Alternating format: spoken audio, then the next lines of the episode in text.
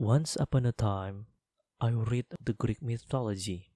It tells us that humans were originally created with four legs and four arms. Scared by its power, Zeus decided to separate them into two humans with two arms and two legs. They both were condemned to find the other half of themselves in this world. This is what we talk when we talk about love, Podcast Imagitiveness Season 2.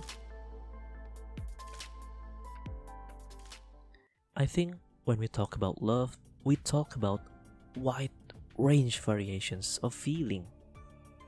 We talk about probably the most powerful word to ever spoken of. Think of it. Think of the people you love.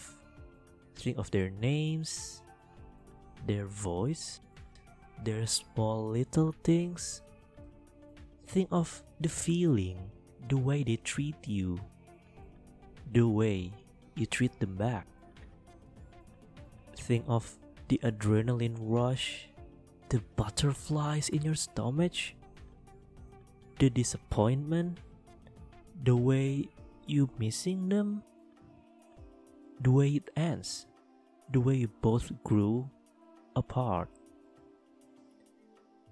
Think of the sadness, the grief, the happy moment, the look in their eyes, the roller coaster, the joy, the everlasting memory.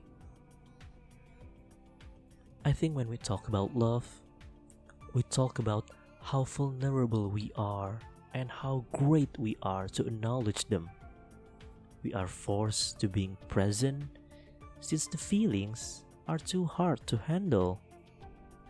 We were forced to being strong and stand on our feet, on ourselves, to being dependent on the very person that we look at when we look into the mirror. I think when we talk about love, we beat Zeus the thunder god. Zeus was not afraid of the strength of four legs and four arms human. He's thunder god. He could just light that thing to death. He was jealous because not even him can feel love that strong. Because he's a goner that messing around and made with everything he met. When we talk about love, we talk about the greatest feeling ever. It's a blessing. It's such a grace to experience such affection, whether we receive them or give them.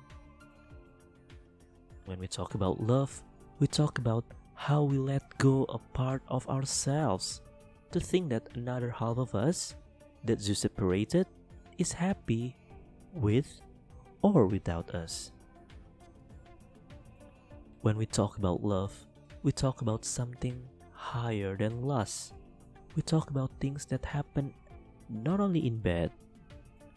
We talk about their smile, we talk about their feelings too. We talk about how we're not in control and being okay with it. We talk about how we keep things at balance between loving your significant other and yourself, between putting your partner first and putting yourself first. When we talk about love, we talk about how great we are as species to feel this experience to learn how to love, especially loving life itself. From a single piece of bacteria, the biggest dinosaurus ever existed, only human that can learn and understand how they feel. And every time, every single time we feel love, we were taught on how small we are or how we don't understand every single things and not even being the smartest person ever or no formula or hardest math ever can understand it. When we talk about love, we also talk about how we grow over time. We talk about how we learn and unlearn and relearn how to grasp the realities that we're living in. Because that is love. Love is taking leaps of faith in order to find your other half in this world. When we talk about love, we talk about the very least thing that the world could show us these days.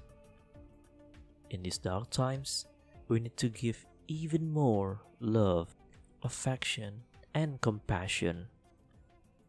Because that is the very thing that the world needs right now.